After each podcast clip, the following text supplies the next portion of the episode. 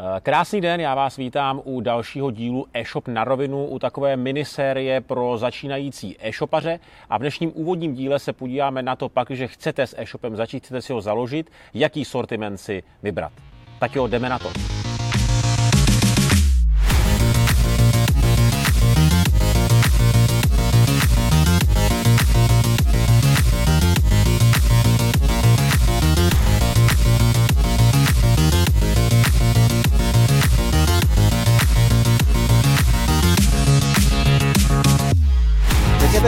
Nejčastější otázky řešíte, když jste teď ve fázi, že teprve přemýšlíte o tom, že byste si založili vlastní e-shop.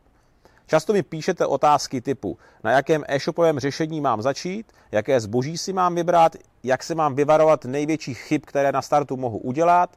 jak si najít dodavatele a další a další otázky. I proto jsem se rozhodl, že začnu natáčet tu speciální sérii pro začínající e-shopaře, kde postupně budu všechny tyhle ty otázky odpovídat a doufám, že vám tyto videa pomohou k tomu, abyste si lépe poskládali dohromady tu mozaiku a mohli jste úspěšněji vykročit na tu dlouhou cestu, která vás bez pochyby čeká, protože to vytvořit si v dnešní době vlastní e-shop je nutná míra odvahy, ale na druhou stranu, pokud to uděláte správně, uděláte důležité kroky správně, tak budete mít veliký předpoklad k tomu, abyste uspěli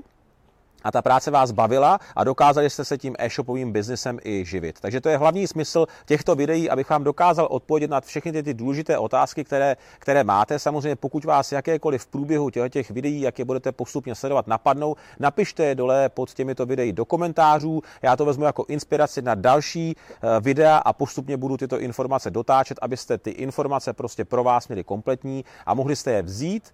a vykročit a odstartovat ty vaše e-shopy. Tak jo, to bylo tak na úvod a teď se pojďme podívat zpátky k dnešnímu tématu a to je, jaký sortiment si mám zvolit na e-shopu, pakliže chci se svým e-shopem teprve začít. No, to je otázka, kterou si musíte dát, si myslím, na úplném začátku a hrozně lidí nad ní dlouhosáhle přemýšlí, studují různé články, poslouchají podcasty a já nevím co všechno a hledají informace a typy,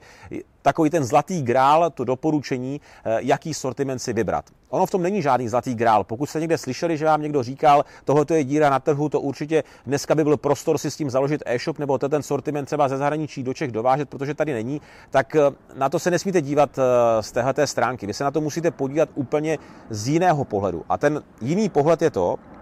že si musíte říct, jakému sortimentu opravdu rozumíte. To je ta alfa a omega, která vás bude následně provázet celou dobu uh, provozu toho e-shopu, protože pak, když si na začátku zvolíte takzvaně špatného koně, tak se vám pojede velmi špatně. A všichni ostatní kolem vás vás velkou pravděpodobností předjedou, protože oni si vybrali na začátku lepšího koně. Pro vás ten startovací kůň je ten sortiment, kterému opravdu rozumíte. To znamená, že si musíte sami říct a dát si tu otázku, je nějaká věc, které se věnuji od dětství, třeba jako koníček, nebo poslední dobu třeba x let se věnuju nějakému sortimentu, nějakému hobby, o kterém vím daleko více než všichni lidi kolem mě, nebo ne všichni, ale většina lidí kolem mě. A to je právě ta věc, na kterou vy byste se měli zaměřit a to by mělo být hlavním nosním pilířem toho produktového portfolia, který si dáte eh, na váš e-shop.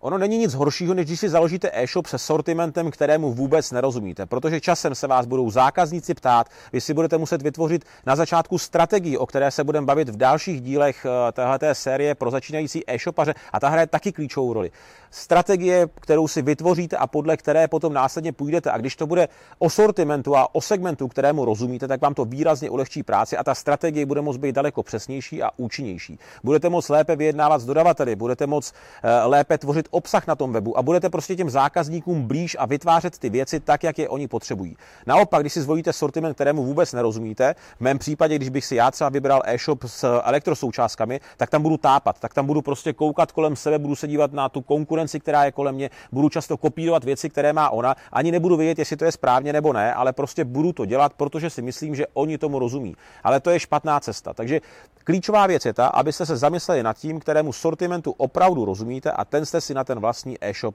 vybrali. V mém případě to bylo, že jsme si zvolili e-shop z hokejových strojí, který jsme založili v roce 2009 a díky tomu, jak se vám teď říkal, ty všechny věci, že jsme dokázali splnit tou podmínkou, že jsme tomu sortimentu rozuměli, byl nám blízký, i ten celý trh nám byl blízký, tak jsme dokázali vybudovat během velmi krátké doby, během jednoho roku, e-shop, který se stal největším hokejím e-shopem v České republice a na této pozici se potom udržel sedm let po sobě až do roku 2016, kdy jsme ho prodali. Ale kdybych si na začátku zvolil špatného koně,